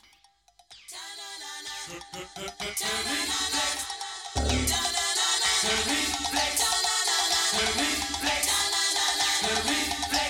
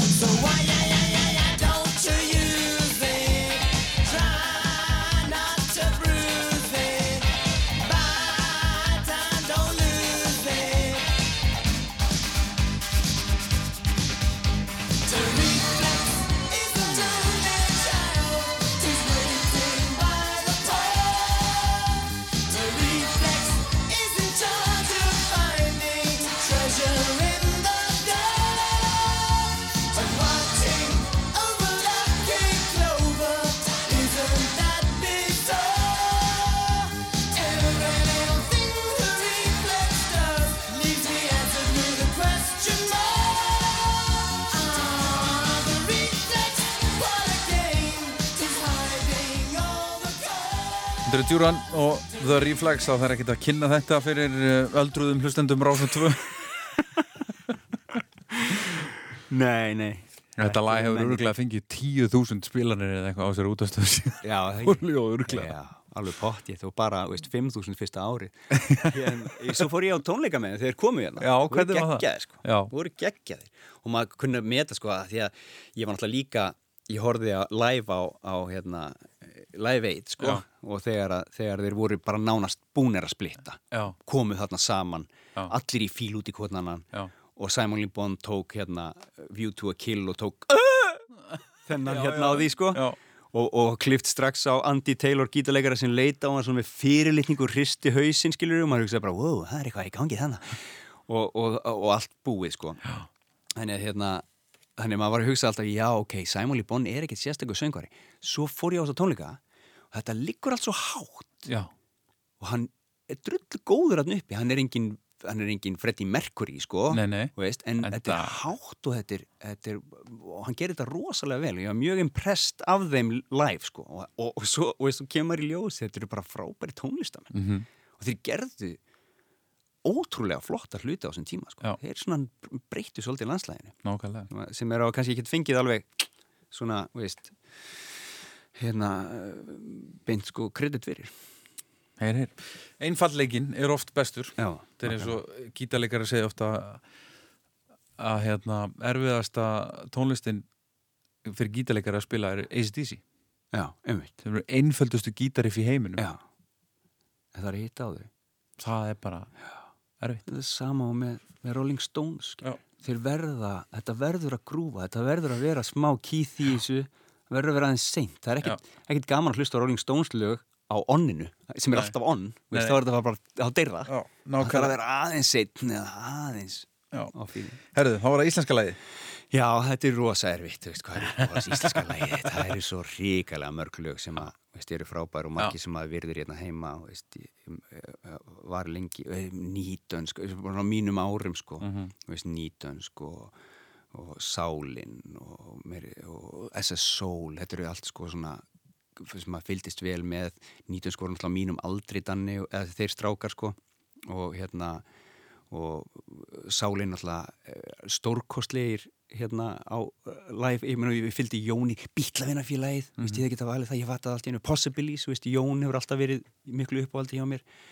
Flugvélar datt mér í hug en svona í grunnina þá fór ég til Valgeir Skuðjónssonar og Já. stuðmanna því Já. að þe- það er náttúrulega bara það var líka rosalega sprengja þegar að með allt á hreinu kom út og, og maður kynnti stuðmönnum sko, sem voru að hendi í eitthvað, eitthvað gleðisveit og eitthvað grín og gaman sem, þeir, þeir tóku þetta ekki svona alvarlega og það samt er þetta eitthvað sem bara algjörlega stendur fast í hjartan á mér sko fengið hérna að vinna með Agli Óla sinni geðu ykkur listamaður, skemmtilegu karakter og frábær og lagi, lagi já, æfinlega hérna og þannig að uppáðarslægi mitt lendi á út í veður og vind.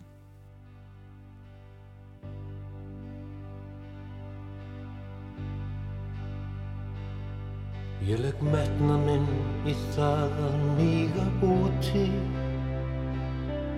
Og í mannskaðanum varð ég undir vegg. Í stangarholti kúldrast ég hjá knúti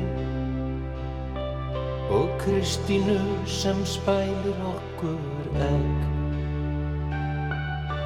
Ó, ó, út í veður og vind Ó, ó, hvað sé lita minn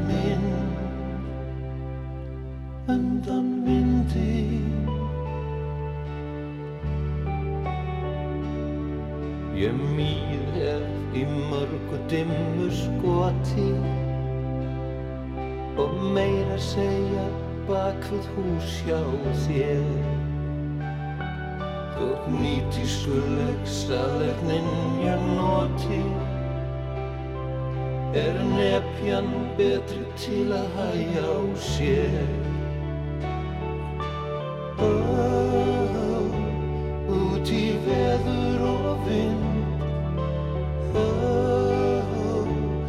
als je lite mind undan vindig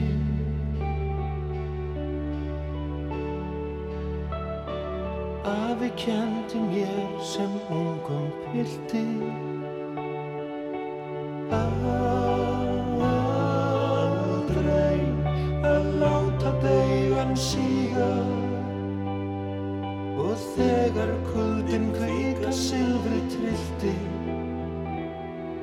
Hann kendi mér í lóana að míga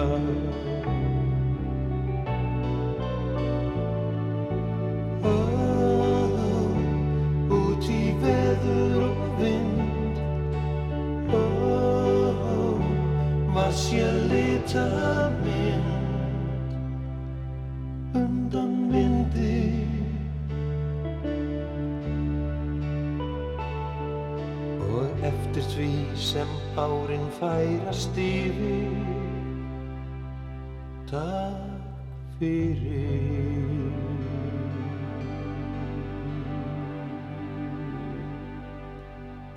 Út í veður og vind Mm. Uh, hérna þessi magnaða hljómsveit stuðminn. Er það var að karaokeið? Karaoke-lagið, Já. ég- já, ég er nokkið mikið í karaoke, sko. Það kemur fyrir, en ég vel þetta lag vegna þess að þegar ég var í FB þá var, var ég að æfa leikrit í Aristofanes og, og það kom stelpa til mín og sagði, Jó, en er ekki að koma með mér og syngja í hérna karaoke-keppni hérna hinum með við göttuna í kvöld?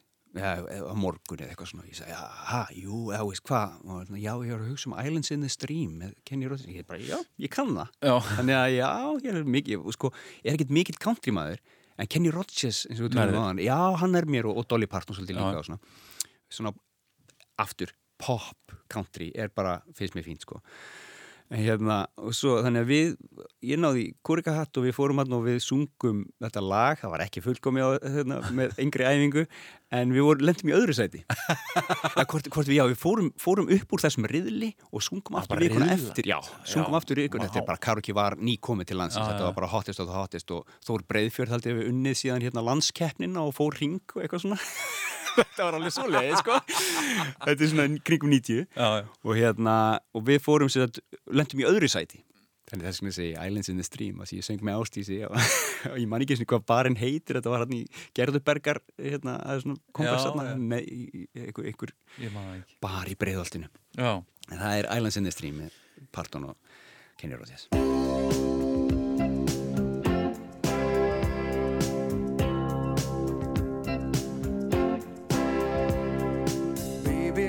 I met you, there was peace unknown. I set out to get you with a fine tooth comb. I was soft inside. There was something going on. You do something to me that I can't explain. Hold me closer and I feel no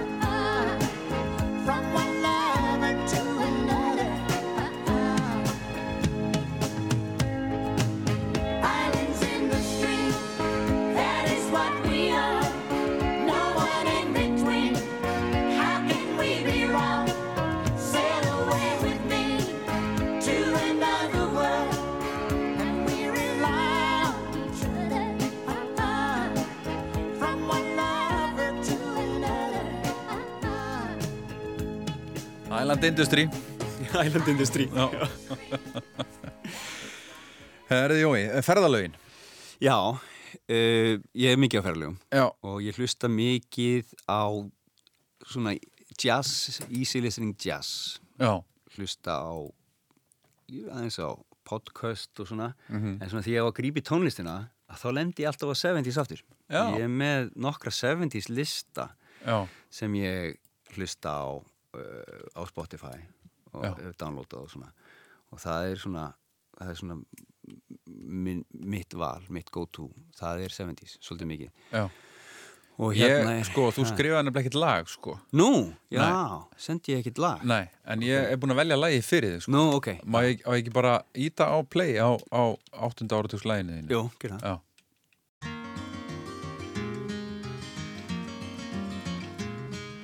on a warm summer's evening on a train bound for nowhere. I met up with a gambler. We were both too tired to sleep, so we took turns of staring out the window at the darkness till boredom overtook us. And he began to speak. He said, Son, I've made a life out of reading people's faces and knowing what the cards were by the way they held their eyes. So if you don't mind my saying, I can see you're out of aces. For a taste of your whiskey, I'll give you some advice. So I handed him my bottle, and he drank down my last swallow. Then he bummed a cigarette and asked me for a light. And the night got deathly quiet, and his face lost all expression. Said, if you're gonna play the game, boy, you gotta learn to play it right. You got to know when to hold up, know when to fold up, know when to walk away, and know when to run. You never count your money when you're sitting at the table. There'll be time enough for counting when the dealing's done.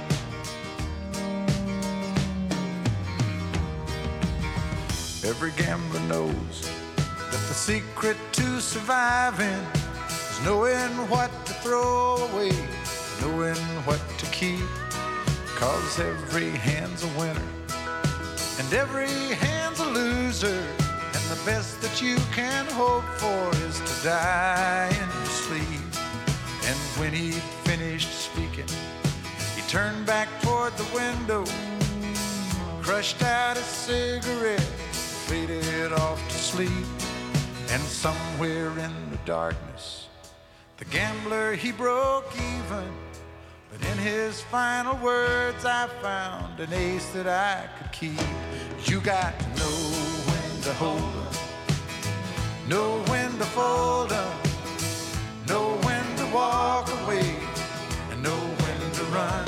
You never count your money when you're sitting at the table. There'll be time enough for counting when the dealing's done. You got to know when to hold 'em, when to hold 'em, know when to fold 'em, know when to walk away, and know when to run. You never count your money. When you're sitting at the table, there'll be time enough for counting. When the dealing's done, you got to know when to hold 'em, know when to fold 'em, know when to walk away, and know when to run. You never count your money. When you're sitting at the table, there'll be time enough for counting. When the dealing's done. 79 79 Sáttur? Sleppur, já, ég er mjög sko. Já. Ég var náttúrulega, eins og ég sagði aðan, ég var búin að velja það í 70 sko. Já. Og svo erum við með, með smá Rodgers þema í þessu. Kenny Rodgers er hérna Nákvæmlega, Já, hann er geggjaður. Já, það er síðasta lagi sem þú spilaðar á, á, á sviði? Já, síðasta lagi sem við spiluðum á sviði það er að segja, ég sungi náttúrulega í leiksýningum og var í, hérna, var í fullt af söngleikim og svona en, en svona sem ég spilaði með tríu sleifsunar á sviði það var lagið Blind fullur á gaugnum á, þegar hann hétt Gaugurinn sko Eh, Það er ekkert rosalega langt síðan en, en þarna, það, kom, það var, var smá uppákoma. Það voru einhverju gaurar með fram í kvöld og læti. Tríunarsleifsunar er meiri, upp- meiri sko svona happening hljómsveit heldur en beint að spila sína eigin tónlist og svona. Við gerðum grín að öðrum böndum þegar við vorum þarna 95 og svona og það er alltaf mikið gleði, mikið fynd og mikið læti. Og það voru einhverju gæja sem voru búin að vera með stöðu og læti og svona og það enda með því að einn úr hljómsveitinni stendur upp og hann bara veður í þá. Það varð allt brjála. Og hérna svo einhvern veginn ákveðu, já, heyrðu, þetta er búið. Og þá segir vertin, hérna, nei, nei, kláriði, það hérna, kom fullt, fullt af fólki í viðbútt inn, sko. Ég veit ekki hvort þetta fréttist, það er farsíðmunur komnir þarna. Þannig við fyrir upp á svið aftur og við klárum.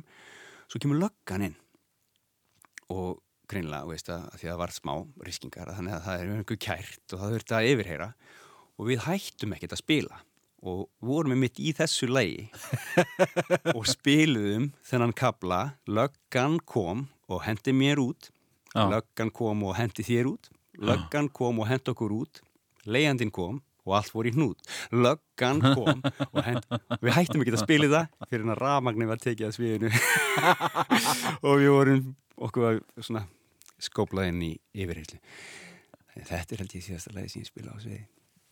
Það er alltaf eitthvað vesen þegar við komum saman sko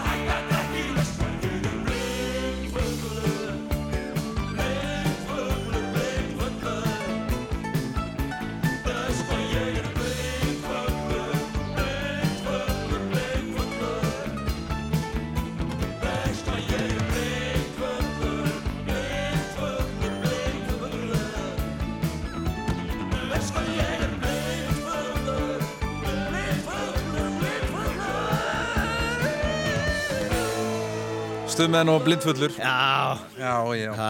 Stundum þarf að gera það Já, við höfum eitthvað tíma verið blindfullir saman þessi drengir Herru, hvað er það að hlusta á mikið um þessa myndir?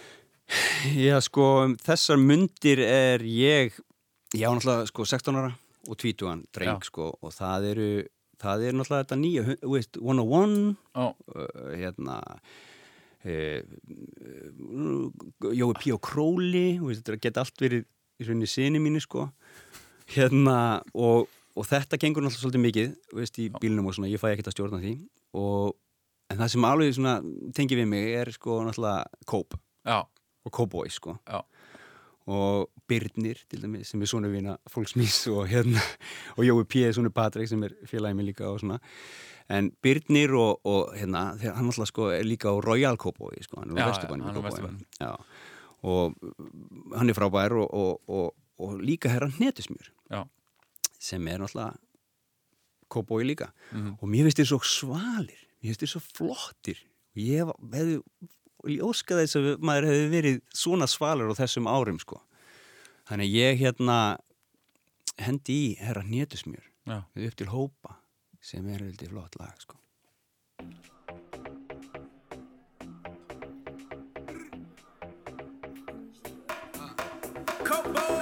Óguð, herra var að púla upp á fjórum. Óguð, herra var að strauja og taka nótu. Óguð, okkur ætti herra vera rólur Óguð, herra rukkar og mikið á sjáum Óguð, aðrir að bara þeir eru á bótum. Óguð, engin loka samninga hjá stórum. Óguð, ég gaf alltaf háa ripaðir Skuldi vinda upp á sig, vini mínur ruglaðir En vini mínir er góðir.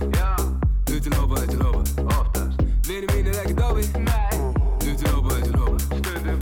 Vini mínir náðu póka Já. Þú til hópa, þú til hópa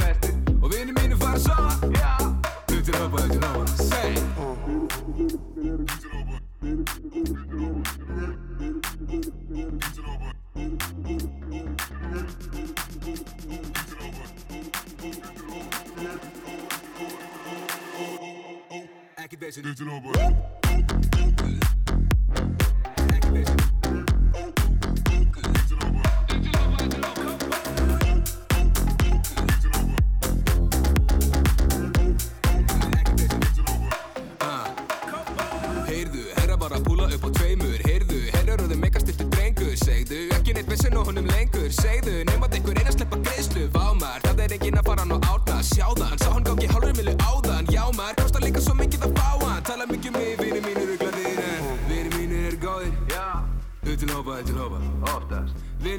Vini mínir ekki dófi Nei Þú til hópa, þú til hópa Stundum Vini mínir náðu póka Já Þú til hópa, þú til hópa Flestir Og vini mínir fara að sofa Já Þú til hópa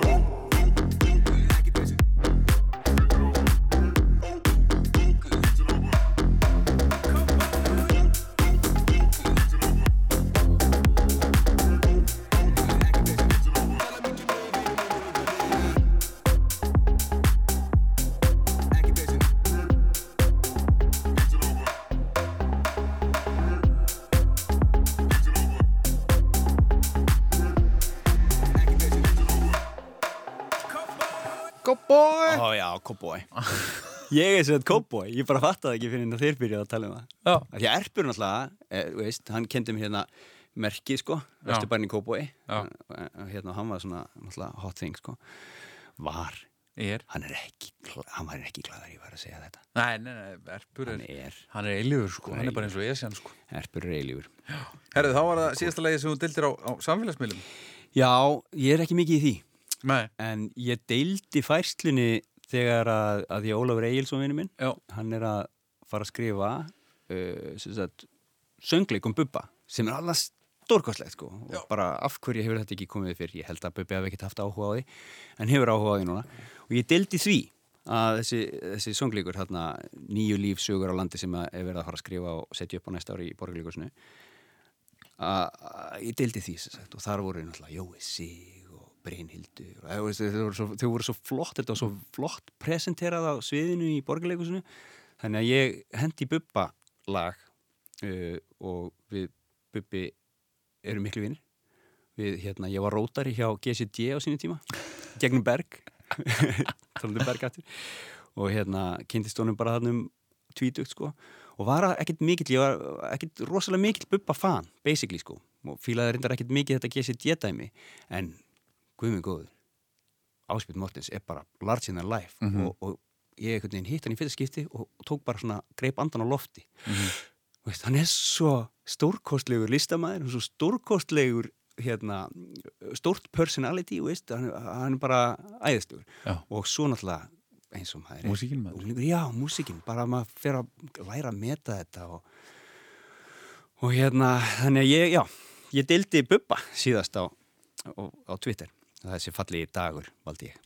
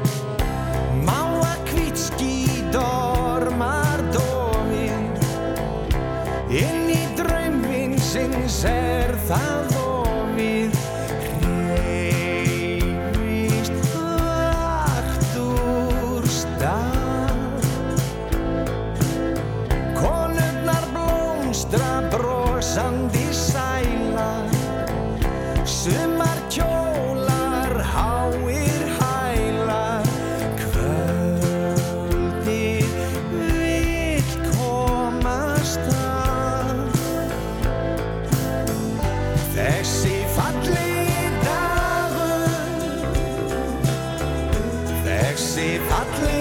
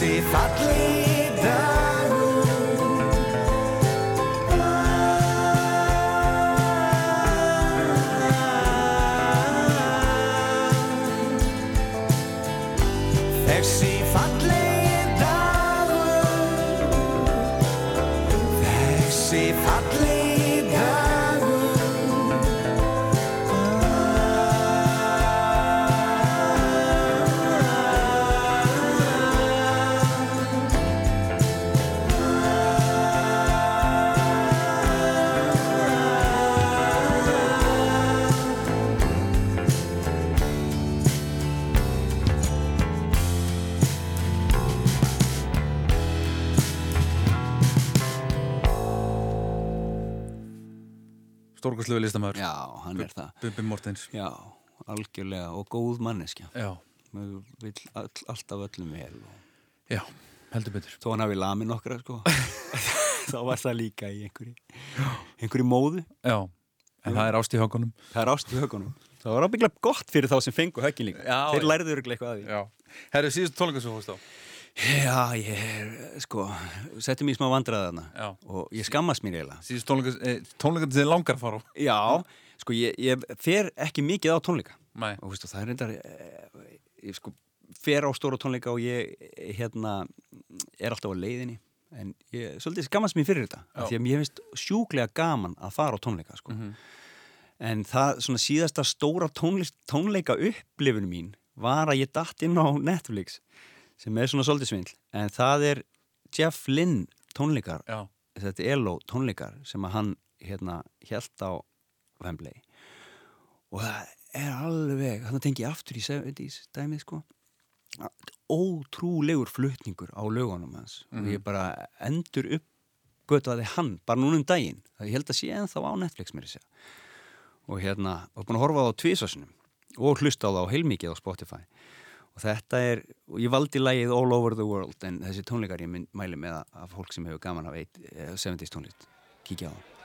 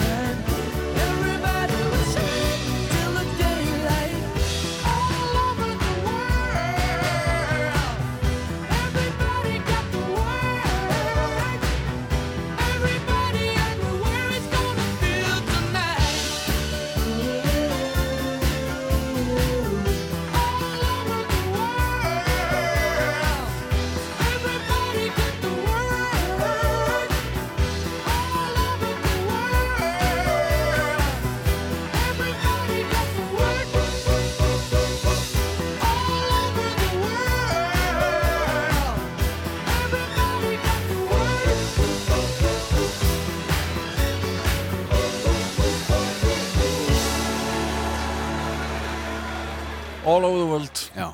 Electric Light Orchestra Já, einmitt. All over the world er líka ég er greinilega með eitthvað svona þema ég er alltaf að horfa eitthvað Já. upp fyrir Hvert, hvert áttu flugmiða núna? Núna á ég flug með það til Berlínar. Já. Ég er að fara á Berlínale, kvikmyndaháttíðina. Hún er geggið, sko. Margar borgir í einni borg, sko. Mismunandi, hérna, þemu, mismunandi orka í hverju, einhvern veginn, Ég er nefnilega að kynast Berlín einn. Já, það er ekki ekki nefnilega. Já. Það er svolítið, þetta- hún er svo spennandi, það er svo mikið að gerast. Það, mér er sagt síðan, sko, ef maður er þarna eitthvað, að það er svaka svart. Já. Það liggur svaka svart þarna undir líka, sko. En það er oft líka uppspretta alls konar hérna, lista og alls konar hérna, creativity, sko. Já, ætla líka með þessa sögu einhvern veginn alveg. Já. Múrin, og, Já. þú veist. Og þannig að fólk sækir sk- skapandi listir eru er, í miklu, miklum blóma þarna, sko. Já, ég á þýskan vinn og, og, og kollega, eða fyrrum kollega núna. Já. Hann hérna var, sem sagt, hann var í loftinu á útastöðu í Vesturbelli þegar múrin fjall. Já, ok. Og átti sem sagt að vera, löngu búið með þáttið sin, en var, veist, með Já. útsendingu Helt áfram alla og Ég man, ég horfði á þetta live, sko, Já. í sjónvarpinu. Já. Þetta var, var svakaleg mm, bara veraldar Já. um turnun, sko, Já. á þeim tíma. og hann sagði mér að dagana eftir að múrin fjall bara þú veist, daginn eftir og þú veist dagana á, kannski svona vikundir eftir voru í bókstallega allir Vestuberlínum búar í Östuberlín Já. og Og öfugt. Allir að kíkja. allir að kíkja Heimsók, heimitt. Þetta var alveg ótrúlegt dæmi, sko. 30 ár síðan Já, það er 30 ár síðan. það er ekki lengra Nei, einmitt. Það sem er, sko, og þetta var, þetta var svo fallegt, það var einhvern veginn allir með tár í augunum, sko, veist, og, og mikil gleði sem fylgdi þessu, sko. mm nákvæmlega Herri Jó, það búið að vera heiður að hafa þig Já, takk fyrir. Takk síðasta fyrir lagið er bara síðasta lagið Síðasta lagið er síðasta lagið. Hvað myndi spila í jarðafyrinu minni? Já. Ég vona að það sé nú ekki á næstunni, en svona maður fyrir að þarf að huga því. Nei, ég valdi, valdi á endanum, sko, Live and Let Die. Mhm. McCartney lag. Mhm. Bond lag, tekið líka við kvikmyndir. Já. En í flutningi eiginlega svona stóru hljónstina minna in the 90s sko. Já. það er Guns N' Roses sem ég sá tvisar eins og ég talaði um og, og hérna Axl Rose og, og Kó vinni mínu fóru mitt á tónleika í sumar sko. en ég hugsaði, ég ætla bara að skilja það eftir Já. ég Já, sá. Use Your Illusion tónleikana í Köpen þegar mm. Your Illusion var valla komin út og sá síðan skömmu setna einhvers konar svona best of tour Já. sem var geggjað sko. en Live and Let Die Takk fyrir komuna Takk You were young and your heart was an open book. You used to say, live and let live. But if this world in which we live in makes you give in and cry,